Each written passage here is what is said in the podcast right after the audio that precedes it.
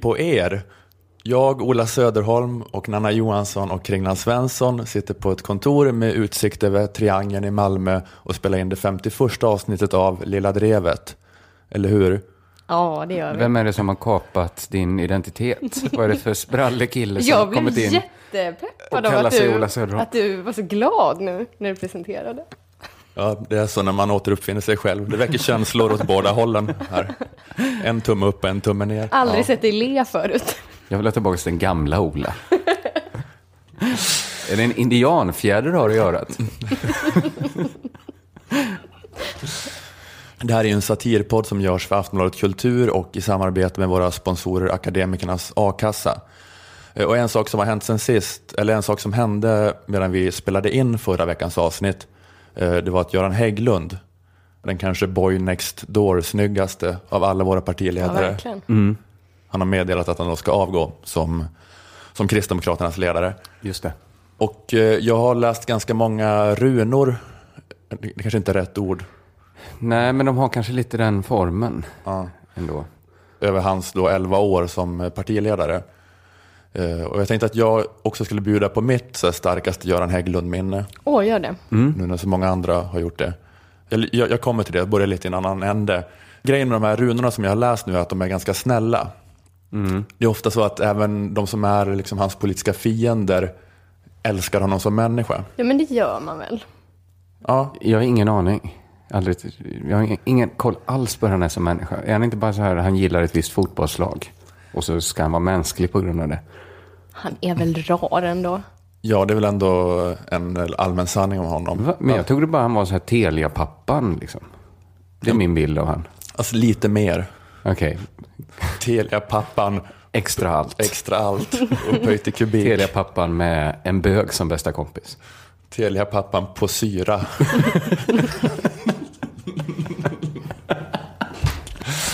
Nej, men det är ju ändå det som folk brukar säga om Hägglund, att eh, han är populärare än sitt parti. Då har Var det inte det hört. de sa om Alf Svensson också? Alltså att de kanske borde tänka så här, varför har vi inte ett så populärt parti? Varför är det så lätt att vara populärare än hela vårt parti? Varför är det omöjligt för oss att välja en ledare som är lika impopulär som vårt parti? Varför känner vi att vi bara drar ner vår partiledare? Vi är, vi är, parti, vi är hans fula kompisar. Det är därför vi inte blir inbjudna någonstans. Ja, men det har i alla fall varit det allmänna sanningen. Han är populär för sitt parti, han är för bra för sitt parti. Han är så rolig. Alltså så rolig. Just det, han är rolig. Ja, men det trodde jag alla kände till. Du var inte riktigt med på den uh, allmänna Jo, sanningen jo att folk säger att han är rolig och sådär. Men Ja, eh, och- det är väl den spridd sanningen. Och så sympatisk. Sympatiskt sätt.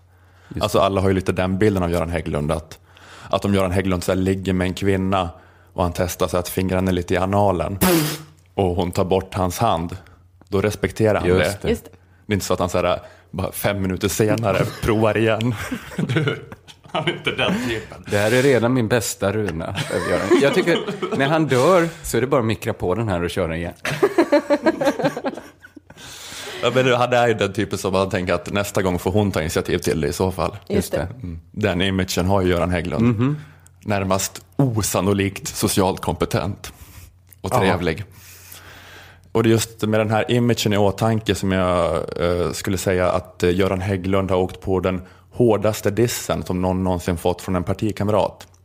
Alltså det är det här nu som är mitt eh, starkaste Göran Hägglund-minne. Ja, ja. Eh, Eller kanske inte så här hårdaste, men så här mest så här svidande nålsticket. Så här jobbigaste lilla så här pillande på smärtpunkten. Och det här skedde när han blev utmanad 2011 av Mats Odell. Mats alltså. Den ormen. Jag vet inte om ni minns det. Eh, Odell ville bli- partiledare istället. Eh, och en av kristdemokraterna som var på lag Odell då hette eh, Kristina Doktare. En kristdemokrat. Hon var med i P1 och argumenterade för varför hon ville byta partiledare. Du tillhör då den grupp som vill att Hägglund ska avgå. Varför? Ja, det stämmer. Jag tycker att hans ledarskap håller inte måttet. Vad är det för fel på honom då? Vad är det för fel på honom? Eh, ja, jag kan ju tala av den personliga erfarenheten jag har av honom. Till en början så framstår han som oerhört trevlig och lyssnande, men sen märker man efter ett tag att det är som en teflon. Det bara rinner av, det är som om ingenting går in. Och det verkar inte som han lyssnar. Oj. Ja, det är ett överraskande hårt sätt att uttrycka sig. Ja. Att det borde finnas ett mer så diplomatiskt sätt att säga det man vill säga i ett sånt läge. Att jag tycker att vi kanske att partiet behöver en ny start och en kursändring. Lite nytt blod. Alltså liksom hon vill ha bort honom från partiledarposten. Men hon uttrycker sig mer som att hon vill ha bort honom från Paradise Hotel. Mitt problem med Göran är att han är falsk. Han är fucking falsk. Han är här för att spela spelet, han är fucking falsk. Det är mitt problem. Det var väl bara på något vis att det var en så här sällsynt neslig dolkstöt där. Som har etsat sig fast i mitt minne. Så jag hörde det här Ja, på jag P1 förstår för det, fem år För sedan. det är många som, eh, som inte minns allt de hört. Just att just gå på det här att ifrågasätta hans trevlighet. Mm. För alla som har andra invändningar mot Göran Hägglund, hans politik och så vidare, tycker som, som sagt att eh, trevligheten är otvivelaktig. Just det. Så det kunde ju hon sagt så att visst han är trevlig men han har de här bristerna. Men så väljer hon att dekonstruera just det. Ja, det, hade, det enda som hade varit värre hade kanske varit om hon hade sagt så här, tycker du att du är rolig eller? han, tror att han är kul. Orkar inte sitta på en till partidag och liksom låtsas skratta åt hans pappaskämt. Pallar inte det. Kommer bita av mig pulsådern nästan. Ja, men just att hon var så här, ni tror att han är trevlig, men det är han inte. Det verkar så först, men sen visar det sig att han inte lyssnar. Pillar den i analen fast man bett honom att sluta. Han är den personen. Tvärt emot vad alla tror. Göran Bonustummen Hägglund. I-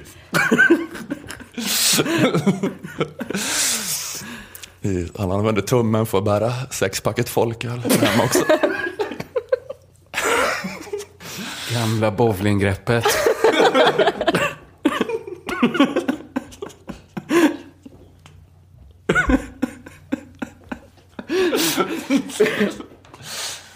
Har du någon slags snusk-tourettes när det kommer till Göran Hägglund? För jag trodde först att när du skulle prata om ditt starkaste minne om Göran Hägglund, att du skulle berätta om när du träffade honom och pratade om, om, om keso i fittan.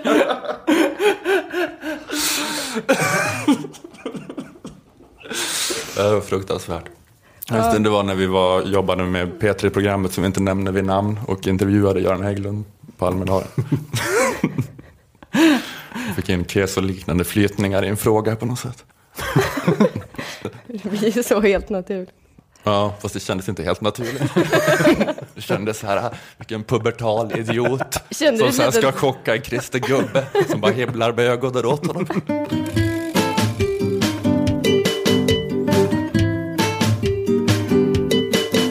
Eh, Jag skulle vilja eh, börja här med en ärligt menad fråga. Håller Jan Björklund på att tappa det fullständigt? Tänkte jag att vi skulle fråga oss. Okej, eh, Det varit mycket Jan Björklund. väldigt mycket. Det var ju först och främst den här märkliga debatten när han satt som någon dåre en bit ifrån. Alltså som en riktig Ja, det var galning. helt fruktansvärt. Jag När han skulle debattera med sin egen partikollega och valde att behandla henne som om hon var en våldtäktsnazist med stark kroppslukt som man måste ta tydligt avstånd ifrån. Att det inte var den som man delar partiprogram med. Nej, precis. Man förstår ju grejen att det, var, det ser inte så bra ut att det är öppen konflikt i partiet om ett beslut vi just fattat att vi har en debatt. Men det här lösningen var ju sämre hur man än såg på det. Det hade varit bättre att stå sämre. och ta debatten. Jag fattar så här om Nelson Mandela inte vill sitta vid samma middagsbord som de som slängde han i fängelse. Då kan jag förstå en sån markering lite, att jag sätter mig här borta. Eh, det var inte hans stoltaste stund. Nej, men också när han sa att eh, jag tror vi båda är överens om att det var bättre att ta det så här. Och så rättar de honom. Nej, hon ville ha en debatt. Och det var så pinsamt. Men ska, ska vi borde säga vad det är? Att det, var, att eh, det var en i Folkpartiet som gick emot deras nya eh, linje när det gäller uppehållstillstånd. Precis. Och så ville hon debattera i Aktuellt med Jan Björklund. Men då vill inte han ställa upp på debatt, så att då har de här två Aktuellt-programledarna ställt sig i varsin ända av Aktuellt-studion och har intervjuer först med henne ett tag, sen över till Jan Björklund och sen tillbaka. Men det var just den här klippbilden som kom in när de först skulle intervjua henne. Jan Björklund är här, men han vill inte debattera, så klipper de in Jan Björklund som sitter på en stol och, och så här, Och försöker se surar. kaxig ut Ja, också. men det var det. Den här, när han satt på den lilla stolen. Det här att svenska män, tror jag, kanske bara svenska manliga politiker, inte kan sitta på en stol. Man ser den här låren pressas ut mot sittdynan. Slappt och fläskigt. Ser för jävligt ut. Men det var så många, tänker jag, mycket han skulle behövt kommunicera i sitt ansiktsuttryck, mm. bara för att, för att situationen var så svårhanterad. Jag är ledaren, jag är inte arg på min partikamrat, vi har högt i tak, men jag vill inte debattera. Alltså liksom, så ansiktsmusklerna får ju panik liksom, av att försöka signalera det, här. I... Allt fick panik. Hans nervösa händer, som liksom han inte visste, visste vad han skulle göra av, så han liksom la dem knäppta i knät. Som en sån ogift flicka i en Austen-roman. Satt där. Så ser det inte ut när Obama sitter, tänker jag. Eller Nej. tänkte jag när jag såg det. Att det ser liksom inte ut så som någon klasspappa. Jag tänker att Obama sitter med ena benet över andra. Superelegant, sitter Mm, man får inte den... eh, ledigt. panikattackkänslan att Nej. man bara skriker, skriker efter ett skrivbord som de kan ställa framför Jan. Eller en sten, slå honom med så att förkorta lidandet lite för alla. Eh, sen var det ju då den här genomgången av den existerande betygsforskningen som visar att Jan Björklund har haft helt fel. Jag drar här senaste tidens Jan Björklund-gissar. Alltså de här, hans idé då att ge elever betyg tidigare. Forskningen har visat att det, det hjälper ingenting. De starka eleverna, för dem är det oförändrat och för de svaga blir det sämre. Just det. Så att det var en liten nesa. Men som en dåre har han fortsatt försvara betygen i årskurs 4. Att det ska vara redan då. Han menar att de länderna som fick bra resultat i PISA-undersökningen hade det gemensamt, att de körde med tidiga betyg. En annan sak de hade gemensamt var ju att ingen av dem någonsin haft Jan Björklund som utbildningsminister. Om man nu tror att alla samband är kausala, liksom med hundraprocentig kausalitet.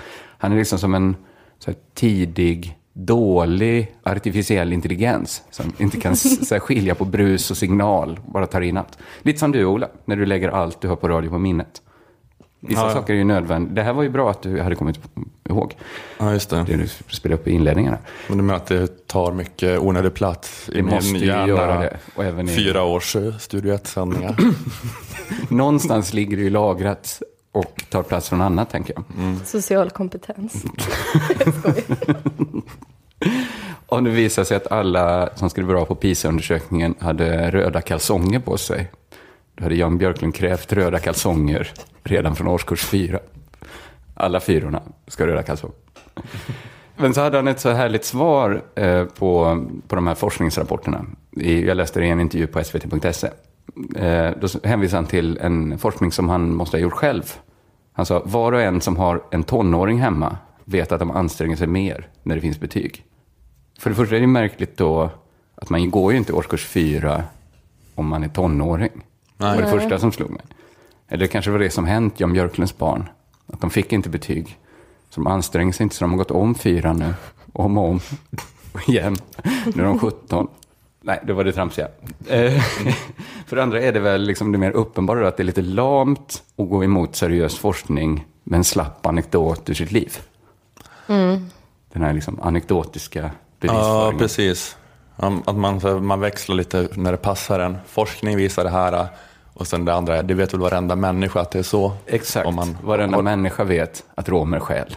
Varenda människa vet att lesbiska, det de har, det där gnuggandet, det är väl inte sex på riktigt. Det vet väl varenda människa. Eh, är det så Folkpartiet samlar in information på känslan av vad var och en vet egentligen, innerst inne.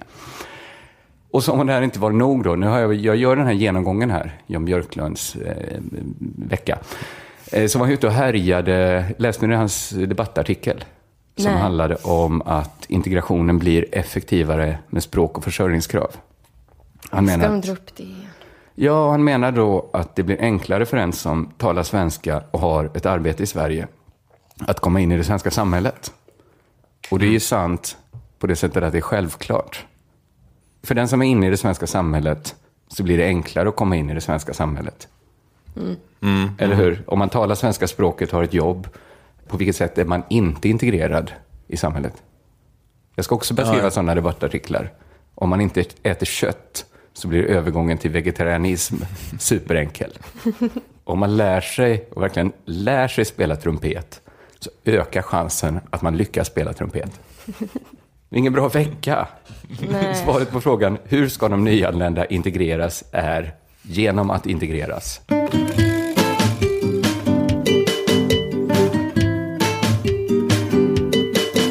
Kommer ni ihåg att det fanns en tid då alla hade som strategi att tiga ihjäl Sverigedemokraterna? Eh, Det var några år då vi bestämde att det allra bästa var att inte ge dem något utrymme alls. Men sen så svängde alla i den frågan och började föra debatterna på Sverigedemokraternas planhalva. Och hux flux så hade de ökat med cirka 2000 procentenheter. Du, du gör en ganska eh, grovhuggen analys, Ja. lite yxig. Jag Ja. tror att statsvetare hade kunnat problematisera det här.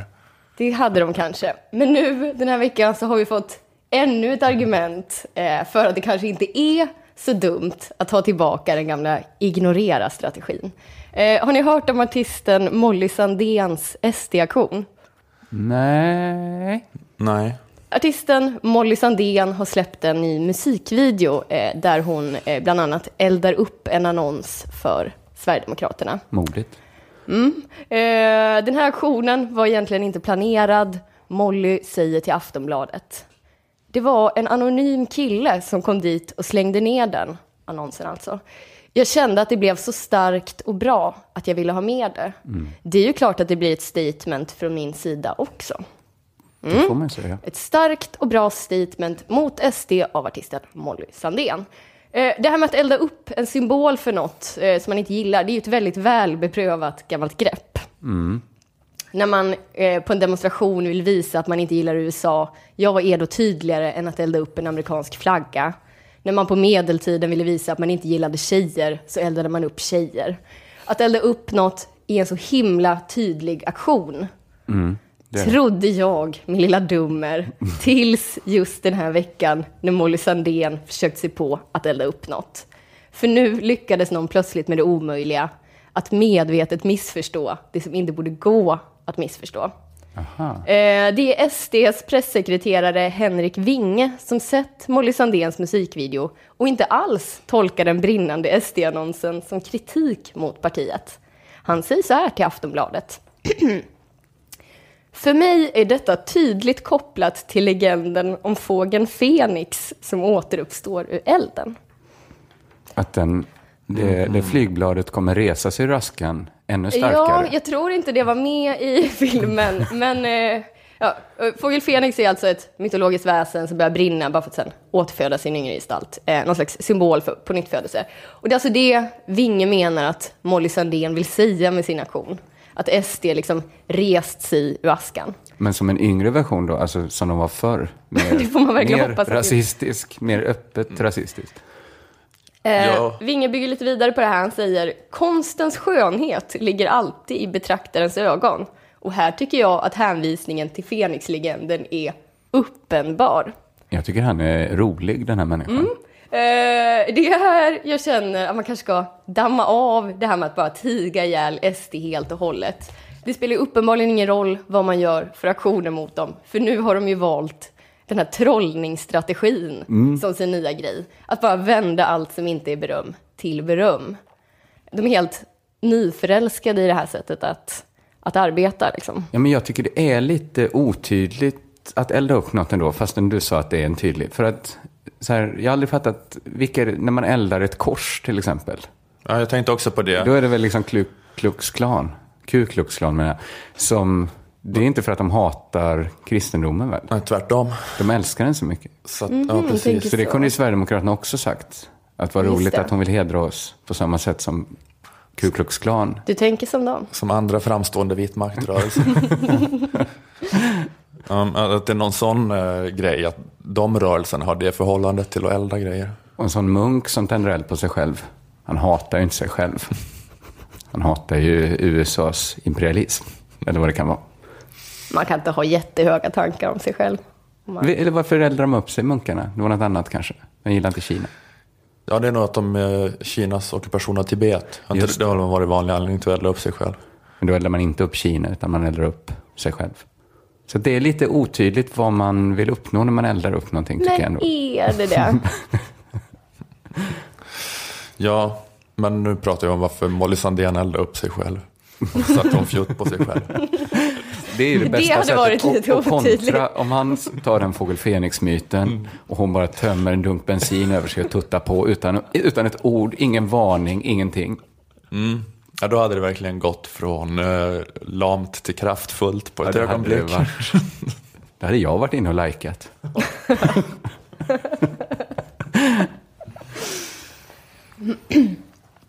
Ehm, jo, men jag tycker i alla fall att man måste vara eh, lite försiktig framöver med vad man gör för eh, aktioner.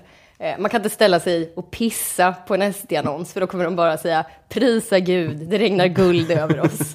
Eh, och så vidare och så vidare. Så jag tänker så här, kolla igenom, kolla igenom det du ska göra och se om det finns minsta kryphål eh, som partiet skulle kunna trolla med. Eh, om det finns det, stå över. Eh, Men vill du verkligen, verkligen, verkligen göra en sån där ganska banal aktion där du eldar upp en SD-annons så måste du kanske samtidigt ha på dig en t-shirt med en överkryssad blåsippa, skrika att du hatar Sverigedemokraterna och bära Linus Bylunds avhuggna huvud som en amulett runt halsen. Och underst i bildrutan så måste det stå en text som lyder Obs! Inte ironi. Jag har verkligen huggit av Linus Bylunds huvud. Eh, då tror jag inte att SD kan få aktionen till fint beröm. Men man kan ju inte vara riktigt säker. Nej, men det är då man, det är då man tuttar helt på sig själv. Det är då man Som en sista säkerhetsåtgärd. Man har liksom klätt ut sig till indiska guden, dödsguden Kali med så här, Richard Jomshof, Linus Bylund, deras huvuden i ett halsband. Så här. Sen tuttar man eld på sig själv. Jag är skaparen och förgöraren. Så. Innan man skrikande försvinner i, i lågorna. Erik Saade bara, hur kunde jag vara ihop med henne?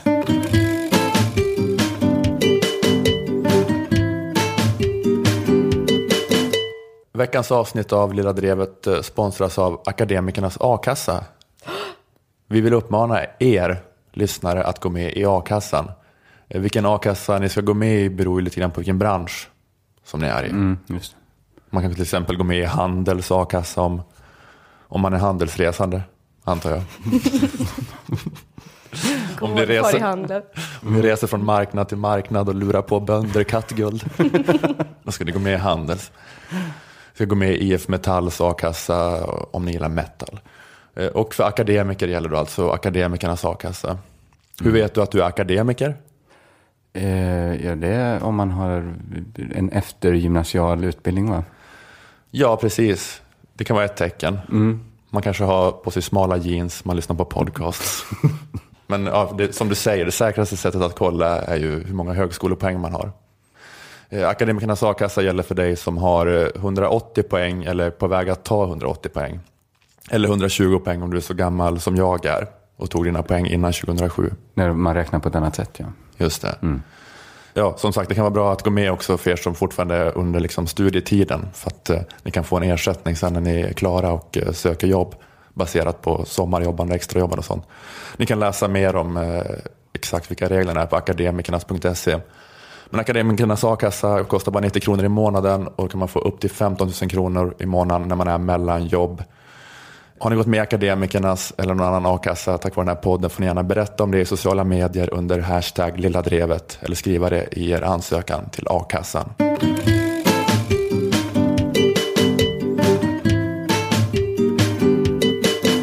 Precis som Nanna så har jag tänkt lite på Sverigedemokraterna i veckan. På det man brukar kalla normaliseringen av Sverigedemokraterna. Det är ett uttryck som jag upplever att man ser lite här och där. Och sen, nu har normaliseringen tagit fart, till exempel. Kanske någon oroligt säger. Eh, Ja, jag, jag tänkte på det att eh, det blev så himla normalt för dem när de fick ha så här, eh, rapportering om att de bara har någon personstrid mellan Björn Söder och Richard Jomshof. Att, Jag- att de är en dokusåpa som vilket parti som helst. Precis, för det är det jag liksom inte riktigt begripit mig på. Eh, om det är normaliseringen av liksom formen partiet Sverigedemokraterna eller normaliseringen av innehållet, vad ska man kalla det, socialkonservatism. Ja, men Jag det- en nationalkonservatism. Ja, men det är just det att man rapporterar om, liksom, de, om det politiska spelet inom SD, precis som man rapporterar om det politiska spelet inom vilket parti som helst. Men du- utan, att- utan att då så här, ja, utan att, eh, Säga att det här, här är ett, ett gäng galningar innan. ja precis. Eh, nej, men då tycker jag liksom att det är själva formen man oroar sig för. Att, liksom att det är partiet som ska bli normalt, inte själva innehållet. Nej, fast det folk oroar sig mest för är väl att andra partier ska börja anamma deras politik och... Då är det mer innehåll. Men jag tycker det finns liksom, liksom någon sorts skäl att skilja på form och innehåll.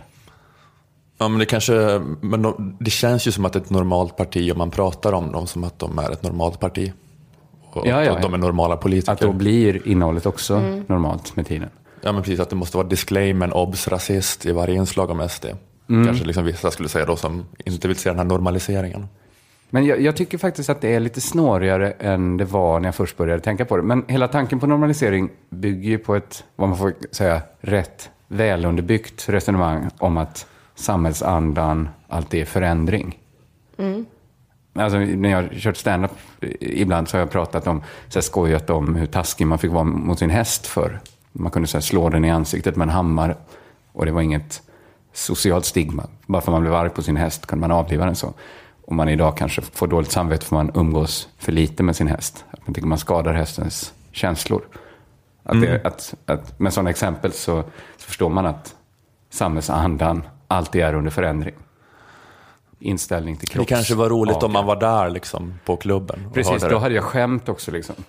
också Ja, men, ja, säga. Det är svårt att återberätta stand-up på det Ja, sättet. men jag tyckte det kändes konstigt att säga det som att något jag kom på nu. När ni två har kanske sett mig säga det. Du kunde ha bjudit på något av skämten. Ah, inställning till kroppsaga, tydligt. Alltså en lärare kunde bara så här, ta en trälinjal för, slå en åttaårig kille allt han kunde på fingrarna. Och killens föräldrar hade inget emot det här. Mamman luggar honom en extra gång. Nu får du inte träffa din onkel.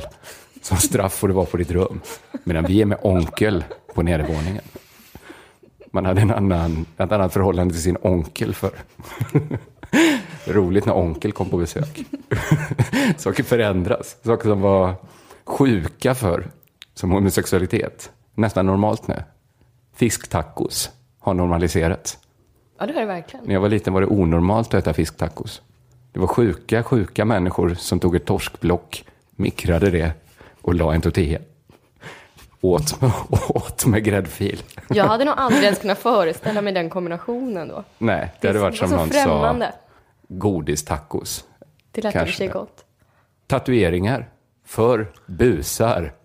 Nu, Bara horor. heta gussar, Ola, med värsta götten. Kan vara gaddade. Varför ser du så skeptisk ut nu? Det är sant, det måste du ha Orden tänkt du på. använder. Sättet du använder dem på. Det kan Det är också... mera, det är mera liksom offensiv när Kringlan säger gussare när jag säger horor. Det är så himla Folk konstigt. blir mer kränkta. Det var då Nanna såg ut som hon hade bitit i en citron. Som varit i stjärten på Göran Hägglund. Normalisering är ju ofta en politisk strategi. Ni vet sådana här aktionsgrupper som springer in utan bikiniöverdel på badhus. Bara bröst. De vill ju normalisera pattar. Det här är bara två skinnpåsar med fett i. Helt vanliga kroppsdelar. Går igång på mina njurar eller? Normalisera pattarna. Just det har inte funkat. Nej, det är svårt att gå emot eh, all den biologin tror jag. Att det rycker i baguetten. Får lagstifta bort baguetteryckning. Då kommer alla bli glada nämligen. Då blir samhället okomplicerat. Eh, det här är ju liksom en politisk strategi då ofta, att normalisera. Som ofta är ganska framgångsrik. Men den tar lite tid. Eh, Just det. Men det är jag- Hashtag prata om det. precis. Normalisera att vara ett offer. Att det inte är normalt av Göran Hägglund att inte lyssna. Man ska onormalisera Göran Hägglunds snusk, snuskerier. Eh, men, Sex i gråzonen med Göran Hägglund. Jag med att SDs strategi inte är att normalisera sin politik. De vill liksom normalisera som parti, som form. Men de menar ju, som jag tycker, att det de säger är det som vanligt folk egentligen tycker. Alltså att vanligt folk är trötta på kostymnissarna i Bryssel. Det är inte en åsikt liksom som måste normaliseras. Eh, frågeställningen, hur ska vi stoppa tiggeriet? Det är ju en normaliserad frågeställning, eller? Ja, men, eh, men de vill ändå vara normaliserade, men de menar att det redan har hänt, eller att de redan är normala. Det är det jag tror att de är. Jag tror att, det, att SD säger som Tåström säger. Det är ni som är de konstiga. Det är jag som är normal. Nu läste jag ut det som han stavade. Ja, men det finns något som skorrar lite falskt varje gång de pratar om normaliseringen av Sverigedemokraterna. Att det är som att man bara talar om formen, SD, aldrig om politiken. Man vill liksom inte acceptera möjligheten att SDs politik är det normala. Alltså att... Ja, men det är väl inte så normalt. Det är som sagt eh, 13 procent. Och eh, det är ju mera då onormalt inom eh, någon slags mediaelit och så. Jo, det är det jag menar. Att, Och, och hur medierna rapporterar och så. men jag menar liksom... De köper inte den problembeskrivningen. Björn Söder är ju inte normaliserad. Det är inte normalt att sitta med sådana Nils Holgersson-kläder. Men det han säger är, Det är ju så att han och oss och så. alla rasifierade komiker har någon gång tagit på sig en folkdräkt. Ja, precis. Ja, men det har jag har inte pratat om det förut någon gång. Att det, det har bara använts av Sverigedemokrater i riksdagen och av invandrarkomiker på turnéaffischer. Ja. Den enda gången man har sett folkdräkt de senaste 15 De- åren. Eh, nej, men jag tänker så här att det finns liksom en skrämmande tanke att det kanske är vi som fått uppleva en onormal tid eftersom vi växte upp så nära extremhögerns värsta PR-fiasko, eh, andra världskriget då. Att det inte var någon så bra reklam för nazismen. Vi växte upp med den här reklamkampanjen i färskt minne. Att det är otäckt att tänka sig att vår tid fram tills nu ungefär har varit liksom en liten bubbla i tiden när nationalromantik inte var helt normaliserat. Ja, fast nationalromantik är väl ändå, det var väl ändå inte så himla lång tid innan andra världskriget. Eller det var en hundra år innan andra världskriget som det var inne med nationalromantik. det är ju inte hela historien. Säg liksom nationalsocialismen då. Säg liksom... eh, Fast det har ju funnits, eh, det, det var ju inte som att det var moderni, modernism som var innan, utan det var ju ändå så här klantänkande. Så det var kanske någon Jo, men det är det annan menar slags vi och dem. Klantänkande är ju liksom samma princip där att man eh, har en väldigt stark magkänsla som säger att man bryr sig om sin familj och sina vänner mer. Eh, liksom det som är nära mer. Att man är mer engagerad när tolv vita satirtecknare skjuts i Paris än om samma sak händer i Bagdad. Magkänslan kommer man ju aldrig ifrån. För alla tänkande människor blir ju liksom slutsatsen att okej, då kan jag nog inte bygga liksom mitt moralsystem på den här magkänslan. Att fransmän skulle vara mer värda. Man måste liksom acceptera upplysningstanken att världen inte korresponderar med en. Bara för något känns rätt behöver det inte vara rätt. Men alltså, den klankänslan är nog det normala menar jag. Ja, absolut, ifall du tar all histori- mänsklighetens historia, hur mycket tid man har ägnat åt den känslan, hur mycket tid man har ägnat åt upplysningskänslan. Så leder ju den känslan i tid Men också mycket. även efter upplysningen så tror jag att den känslan levde kvar. Att man var tvungen att intellektualisera för att komma bort från den. Mm. Till exempel att bögar, det känns äckligt, då är det nog äckligt, då ska vi nog förbjuda det. Alltså hela den, det är liksom tankefelet. Ja. Eh, har vi kanske levt en tid där man liksom, den här bubblan då som jag föreställer mig, där man liksom väldigt- liksom tvungen att göra intellektualiseringen. Alltså man är tvungen att sätta sig över så idéer om judar för att man bara märkte det var så jävla sjukt senast när vi inte gjorde det. Men att liksom nu är andra världs... Alltså det var ju 70 år sedan eh, den här liksom, det har firats liksom Auschwitz eh, Befrielse. befrielse. Och man har liksom tänkt ganska mycket så här, 70 år, oj det är verkligen inte lång tid. Men saken är att det är ju ganska lång tid. Alltså det är ju tillräckligt lång tid för att saker ska hinna återgå till nor- normala. Det tycker jag är så himla deppigt. Ja, men jag vet inte, det är väl en... eh, Det är väl idéernas kamp, antar jag.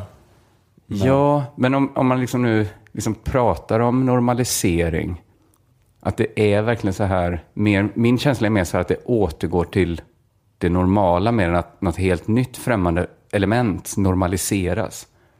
Eller? Har ni någon annan känsla? För jag tycker den känslan är svindeppig. Men du kan väl också ha en känsla av att upplysningsidéerna kommer spridas och ta över kampen om människors tankar mer och mer? Det kan jag också ha, ja. det kan jag också. Men jag tycker inte det är tendensen riktigt. För jag tror att den här magkänslan är så himla stark. Vi pratade om det tidigare, liksom så här, Miljöpartiet som liksom inte vill ha några genmodifierade grödor. Det känns liksom fel. Och jag läser debattartiklar den här veckan om så här, svenska narkotikapolitiken, där liksom politiker inte vill ha så här sprutbyten. Alla säger så här, det är det som kan rädda dem från att få hepatit C. Jag blir tokig av den Så frågan. var det, det Det- känns fel i magen.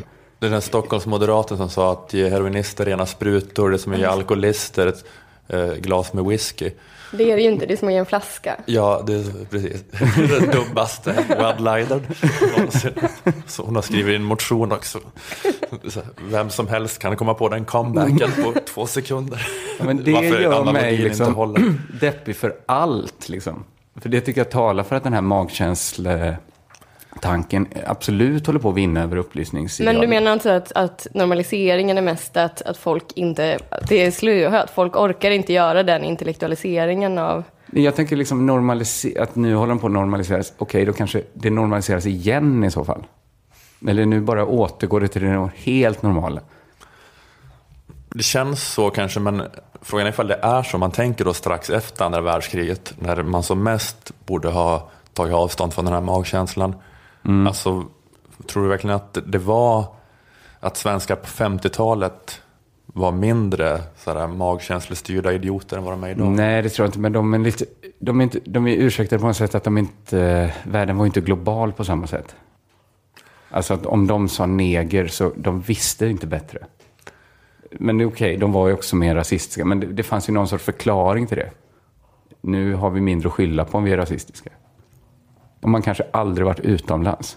Aldrig sett en svart människa. Um, jo, men eh, du tangerar faktiskt lite kring Lan, eh, det jag också hade tänkt prata om. Med eh, det här med magkänslan och det här upplysnings, det intellektuella förhållningssättet. Ja. Hur, man, hur de förhåller sig till varandra. För jag var eh, Filip och Fredriks biodokumentär, Trevligt folk. Just det. eh, om en entreprenörsgubbe i Borlänge som drar igång ett integrationsprojekt att Borlänges somalier ska spela bandy och det slutar med att de representerar Somalia i VM. Den, den har mestadels varit väldigt hyllad. Martin Schibbye såg den och skrev på Twitter citat Jag grät för första gången sedan fängelset. Oj. Slutcitat. Schibbye är ju så traumatiserad av att han blev fängslad av den etiopiska regimen. Men jag tycker ändå inte att det är okej att han ska hålla på och kollektivt skuldbelägga på det viset. Säga att han gråter bara av åsynen av människor från Afrikas horn. Det är ändå lite Det är- ofräscht. Det är magstarkt. Är det. Men bortsett då från Shibby's vidriga rasism har filmen blivit mestadels hyllad. Eller det har också funnits så några problematiseringar som kommit från eh, några olika smarta normkritiska personer. Vem hade kunnat ana? Jag trodde att de bara skulle släppa Filip och Fredrik den här gången. Men... Killarna gör det igen, säger Kakan Hermansson. Ja, men sådana här invändningar som jag tänkt på att jag i normala fall eh, ganska ofta håller med om. Alltså typ det här eh, med att vi gillar invandrare på villkor att de är gulliga. Mm, ja, just det. Och att de är gulliga på våra villkor. Alltså att de så här svenifieras maximalt. Håller på med den svennigaste vintersporten. Ägnar sig åt svennigt flaggviftande. Det var lite sådana typer av problematiseringar. Och även om de som inte gjort filmen, även om de kanske inte är så enkelspåriga så, så kan jag fatta att liksom, filmen kan spela på de enkelspåriga strängarna. Eh, Att Svenne Banan ser den och känner att somalierna tittar, de, de stjäl inte alls cyklar. De bara älskar sina mammor Mm, just det. och läser Astrid Lindgren. Nu är jag för invandring från Somalia. Men så fort de börjar stjäla cyklar, fuck off. Just det, men förr gillade man ju invandrare i Sverige för att de kom hit och liksom byggde upp l- landet och bakade pizzor och så här. Men nu kanske man gillar dem för att de är gulliga då. Eftersom Ja, det är svår, svårare att få ett jobb så får invandrare... Vi behöver liksom gullighetsinvandring. Ta på er ett par skridskor ut på isen. Ja, just det. Man, man kan egentligen säga att det var fel på samma sätt då, att man så här, krävde någon slags jobblönsamhet utifrån dem, men, men nu har man svängt över mer till gullighetsutbyte. Precis. Ja, men det man kan, då kan vara rädd för att eh, den här typen av skildringar, att det kan här, skapa en slags antirasism, men att vissa är då lite rädda att det kanske är fel sorts antirasism. Att en sån då total, som du pratar om, så här, magkänsla antirasism. Istället för en så här cerebral och principiell antirasism. Som säger att vi är för att som- somaliesvenskarna ska få leva här utan diskriminering med med- medborgerliga rättigheter för allt annat hade varit absurt. Även om vi skulle se en film där de är störiga och obekväma, tycker vi det. Även om de så här skulle säga fuck Astrid Lindgren. Det var rätt att hon aldrig fick Stjäla hennes Nobelpriset. cykel. Direkt efter att ha blivit rånad på sin mobiltelefon av 12 somalier så skriker man efter dem. Jag försvarar er rätt att stanna i det här landet. Då är man ju principiell. Ja, men då, det, det ska inte få, få påverka ens antirasism. Nej, Sådana grejer. det ska det inte göra. Och jag brukar liksom oftast hålla med om den typen av argumentation. Att, eh, det, är ett problem, att det är ett problem ofta med antirasismen. Att, eh, så här, att tolerans för något ofta blandas ihop med att ha varma känslor för något. Ja, men för tolerans betyder ju inte att älska. Nej, Tolerans betyder lite fritt översatt till svenska tolerans. Eh, Och man har så stört sig på många så antirasismkampanjer för att man har fått någon känsla av att de så här villkorar invandrares existens med att invandrare är härliga. Inga invandrare, kommer ni ihåg den? nej, Det var en sån här kampanj som, jag vet inte, det var en stor liksom nätkampanj som skulle påminna om allt bra invandrare gör i Sverige och hur det skulle bli utan invandrare. Just det, men jag kommer ihåg från 90-talet att det var väldigt mycket den typen av aktioner att eh, alla invandrare slutade jobba i en timme en dag. Ja, Och just så det. fick man se hur det kändes. Ja, precis. Men, um, ja, men att den fokuserar då på, på nyttan invandrare gör. U- Inga invandrare, då blir vi utan massa god mat. Vi blir utan Özz Nujens vackra poesi på Twitter. Och så vidare. Ja. Massa sådana liksom nyt- nyttigheter som skulle försvinna. Det är en sån en kategorin då som, eh, som sådana smarta normkritiska människor kan tycka är fel. En sån kampanj. Eller att Aftonbladet startar kampanjen Vi gillar olika. Som ett svar då på SDs islamofobi. Och man så känner jag är för bekämpandet av islamofobi. Men det är ju inte heller så att jag direkt gillar islam. Nej. Att det är lite mycket begärt av en icke-religiös person. Man tolererar såklart att människor tror på islam, kristendom och spöken. Man kan liksom inte förväntas high-fivea med dem för det. Att fan vad jag gillar det här, att du tror på något jag inte tror på. Jag gillar det. Allt som är olika, det gillar jag. I love it. Mm. Ansjovis på pizzan. Det, det var jag inte beredd på, det var olika. Så därför liksom älskar jag det. Jag vill älska med din ansjovispizza. För det var annorlunda. Nej, men vi som vill ha antirasism med, med hjärnan och inte med magen tycker ju kanske att kampanjen inte borde heta Vi gillar olika utan vi, ja, whatever, olika. Just det. Eh, olika är okej. Ja, jag bryr mig inte. Nej, jag bryr mig inte om olika. lika olika spelar ingen roll. Olika och lika är exakt lika för mig. Där har du en pin. Jag har på din Facebook-profilbild. Ja, men eller det här när vi var små. Rör inte min kompis. Mot kampanjen mot Lasermannen. Rör inte min kompis. Och då känner man så att han kanske inte är min kompis. Men rör honom inte ändå. jag tycker inte att en persons trygghet ska baseras på huruvida jag känner kompiskap med personen. Att invandrares rättssäkerhet ska inte vara utlämnade till mitt känsloliv. Nej, det är riktigt. Det ska inte vara så här, jag gillar honom, jag gillar henne. Stör mig lite på honom. Han äter banan på ett äckligt sätt. Skjut honom. Ja, det är mer om man är, liksom, man är på en öde ö tillsammans med Lasermannen och några invandrare. Och någon måste dö. Då kanske man kan ta, jag gillar inte han. inte för att inte bara döda Lasermannen i det scenariot. Han som har pickadollen. Det är det som är det jävliga. Och det finns bara bananer att äta. Ja, men man kan få den här känslan då ibland att vi i Sverige, att vår tolerans är helt och hållet kärleksbaserad. Så fort känslorna svalnar så kommer vi börja skjuta. Så var riktigt jävla gullig hela tiden. Ja, men, och så här känner jag att man då kan resonera sig fram till att det finns något lite eh, unket med kampanjer som säger att rasism är fel då eh, på grund av att invandrare är våra gulliga kompisar som vi gillar. Eh, Att det stämmer på ett intellektuellt plan. Men det som slog mig lite grann när jag såg Trevligt folk, det var ju att rasismen är ju inte intellektuell. Nej, just det. Väldigt sällan i alla fall. Att man måste kommunicera med rasister på rasisters vis. Ja, exakt. Att liksom, och därför, det, därför det blir liksom svårt för intellektuell antirasism att vara så effektiv. För att det liksom, i början av Trevligt folk, då är det sådana här mannen på gatan-intervjuer med olika Borlängebor som säger rasistiska saker om somalierna. Och det finns inget intellektuellt i det de säger. Nej, just det. Hör och häpna. Ja, men det är det, som med Jan Björklund och fakta liksom. Han är ju magkänsla där. mm, ja, men det här är, Så här, där kanske det. han skulle se en så här härlig film om hur härligt det är och inte ha betyg. Ja, precis, man kan inte mota det med forskning. Nej, utan man måste få honom att få en skön känsla i magen när han tänker på inget betyg i en fjärde sån, klass. en sån film om en eh, liten pojke som inte kan tala. Och sen så tar de bort betygen. Och, Och då, då säger han sitt första ord. Och Och rinner, det är Jan. då rinner en tår från Jan Björklunds kinder. Han behöver liksom sentimental bakgrundsmusik för att kunna ta till sig forskning om skolan. Att han är bara mage. Nej men eh, de här Borlängeborna, alltså de säger saker som att så här, nio av tio gör inget annat än att stjäla cyklar. Så från vad har du för källa på det? Ja men det vet väl varenda människa att det är så. Den tionde, en sån skvallerbytta. Han är underbar. Ingen av dem kommer någonsin jobba för det enda de har gjort i Somalia är att kasta sten och hålla på med jävelskap. Så det är det enda de kan och då tar de med sig det hit. Alltså så säger en gubbe.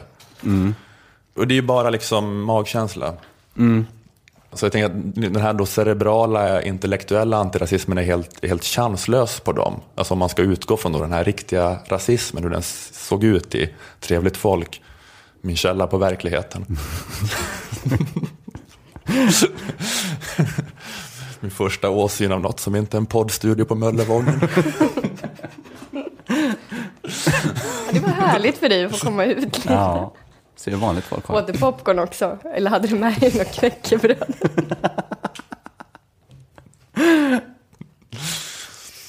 Nej men, eh, ja, men det är just det att det är ju det är inte människor som har tänkt sig fram till sin eh, rasism. Utan det är människor som har känt sig fram till den. Och då kommer liksom inga kulturartiklar eller kulturpoddar kunna liksom bekämpa den här faktiska rasismen. Nej, Men däremot, det är ganska lätt att tänka sig att de här magkänslorasisterna lätt kan svänga av den här, och se den här filmen och bara bli magkänsla antirasister. För om man så har liksom fått en irrationell negativ känsla, då kan man ju lika gärna få en irrationell positiv känsla. Just det. det är ju hoppingivande för jag tyckte att när jag pratade så var det så dystert. Så vad bra att du kom in. Sen kom lilla solstrålen och Ja, sken upp. Ja, precis. Men det är också det att det är ju inte optimalt. För att det känns ju lite bräcklig, som en bräcklig Ja, antirasism. jo. Vi vill ju helst att människor ska vara antirasister på det intellektuella planet. ja, för det går liksom många liksom dåliga magkänslehistorier på varje bra. Ja, ja man Alltså kommer många- ju komma i kontakt med sådana också. Precis. Men det är liksom eh, för mycket att hoppas på att den här liksom principiella upplysta antirasismen, att den ska slå hos alla, hela folket. För det är så många som bara tänker med magen. Just det. Och då blir det liksom så att magkänsla måste med magkänsla fördrivas. SD måste, man ska sätta alla och låta dem titta på Vinterviken. Han kan både vara känslig poet och buse. Men det är väl allt de hatar. I och för sig. Titta inte på Vinterviken.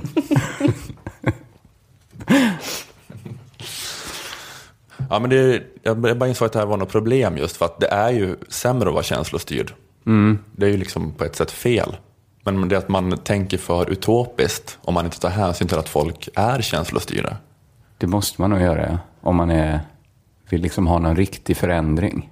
Då kan man liksom inte bara sitta så här och hacka sönder behjärtansvärda filmer och så.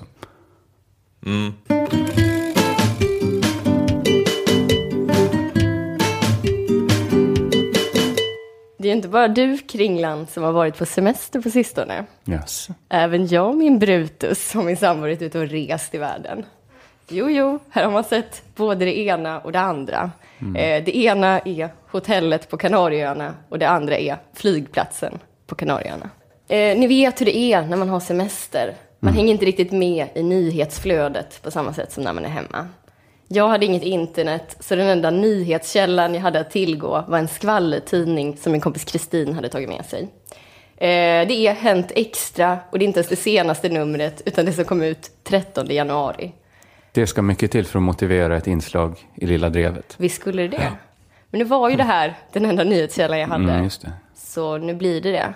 Eh, Jag tänkte vi skulle gå igenom de tre absolut viktigaste nyheterna från Hänt Extra nummer fyra. Det tänkte du. Jaha, Sluta negga. kör på. Nu kör vi. Plats tre, rubrik.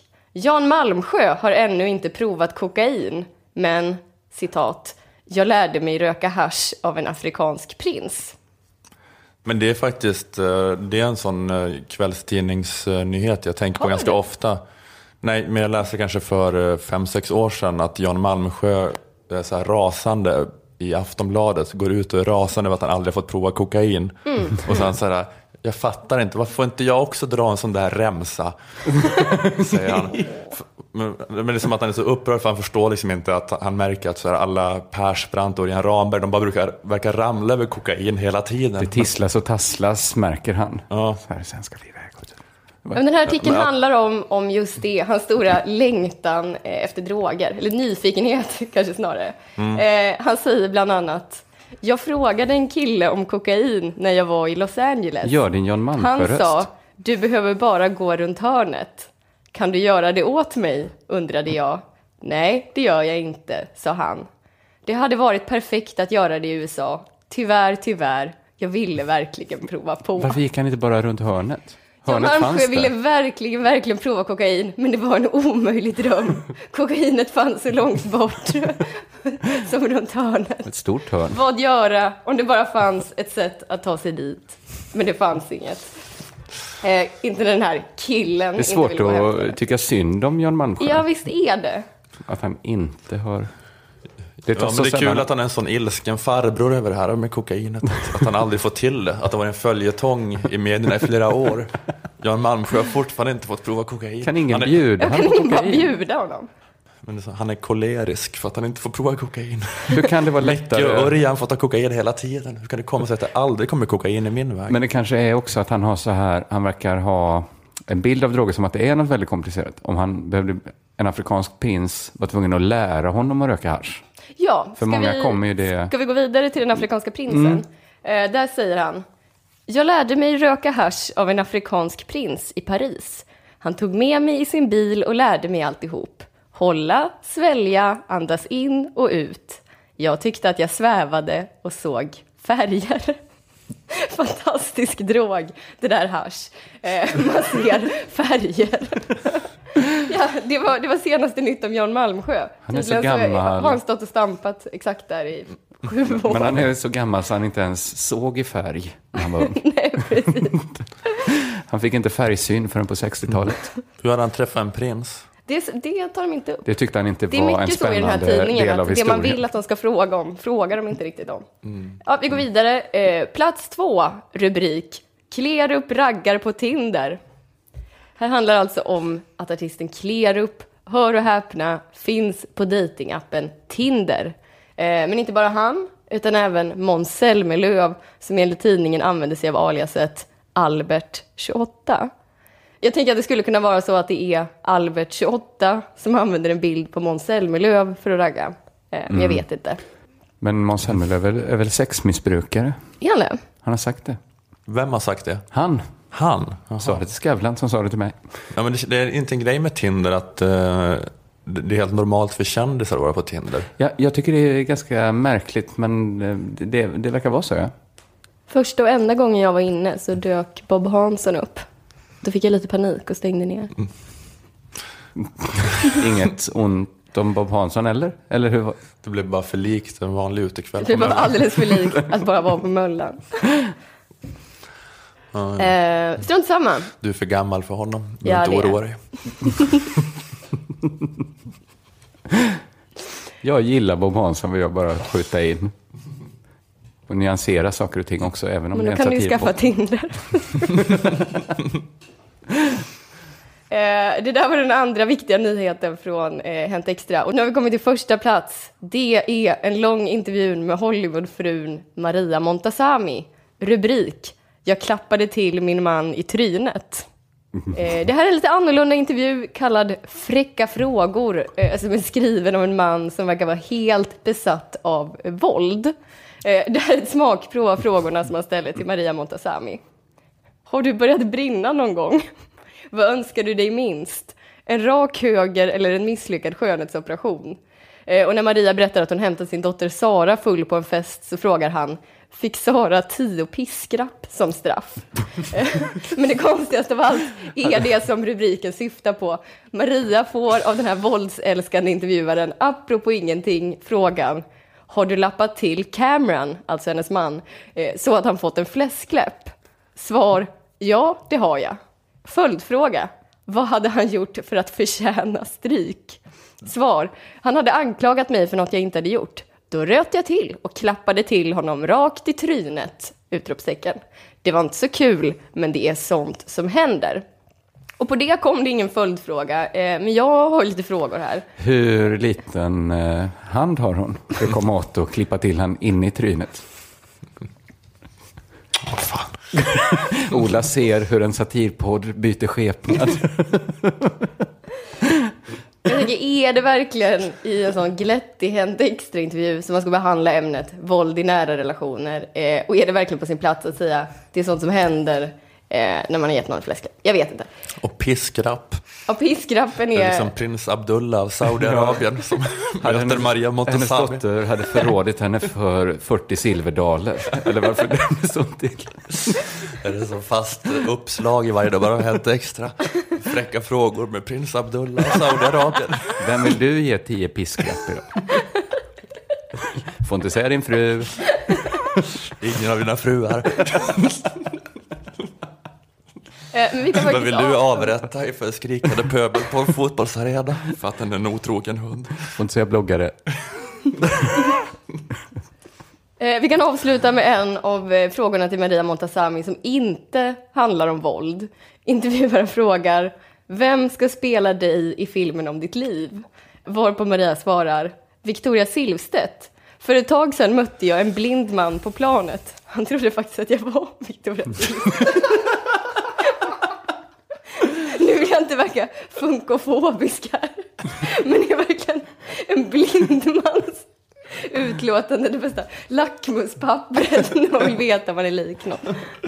Han petade henne i ansiktet med sin käpp och sen fick hunden berätta vem det var. Det är som att hon skriver skämtet om det själv. Ja. Så här, var han blind eller? Så är det ju meningen att någon som läser det där ska säga. Han som trodde du var lik henne. Ja, Eh, det här var allt från min semesterläsning av Hänt Extra nummer fyra. Eh, jag hoppas att ni känner att ni lärt er något. Mm, och nu får du dra av resan. Nu får jag dra av resan.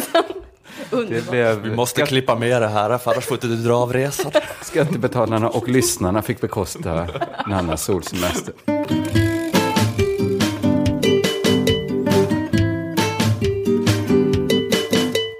Det var allt för den här veckan. Vi är tillbaka nästa vecka med ännu en podd. Den bara fortsätter och fortsätter. Precis. Eh, Och eh, ni kan kommunicera med oss om ni vill på Twitter, hashtag lilla drevet. Och eh, ni kan gå in med i vår Facebookgrupp. Har vi något vi vill marknadsföra? Eh, Jag kan väl prata, berätta om vår klubb som vi har här i stan som heter Under jord och finns, går varannan onsdag. Så man kan, man kan söka på det eh, om man vill köpa biljetter. De går åt väldigt snabbt biljetterna. Eh, Det här var en podcast för Aftonbladet Kultur och den kunde göras tack vare vår sponsor Akademikernas A-kassa. Hörs igen nästa vecka. Hej då! Hej då! Hej, hej. Det är alltså att det är fel fokus att diskutera vinstdrivande företag eller inte. Det viktiga är kvaliteten på verksamheten. Så här, so what om Robinson och Jan Emanuel använder skattepengar öronmärkta för ett asylboende till att köpa en Lamborghini om kvaliteten på boendet är bra. Men jag tänker, borde det inte finnas något slags samband mellan kvaliteten på något och hur mycket pengar som går in i det? Jag tänker att säga att problemet är inte att det försvinner pengar i vinstuttag, problemet är bristande kvalitet. Det blir lite grann som att säga problemet är inte att Jonathan har oskyddat sex, problemet är att det svider när han kissar. Förstår du vad jag menar? Så konstigt att fokusera just på det, att Jonathan har kesoliknande flytningar. Att, ja. att man inte någonstans går lite bakåt i orsakskedjan och försöker hitta bakomliggande orsak till det här. Oh, men jag, det är ju, det är ju, alltså, mitt svar är ju mer komplicerat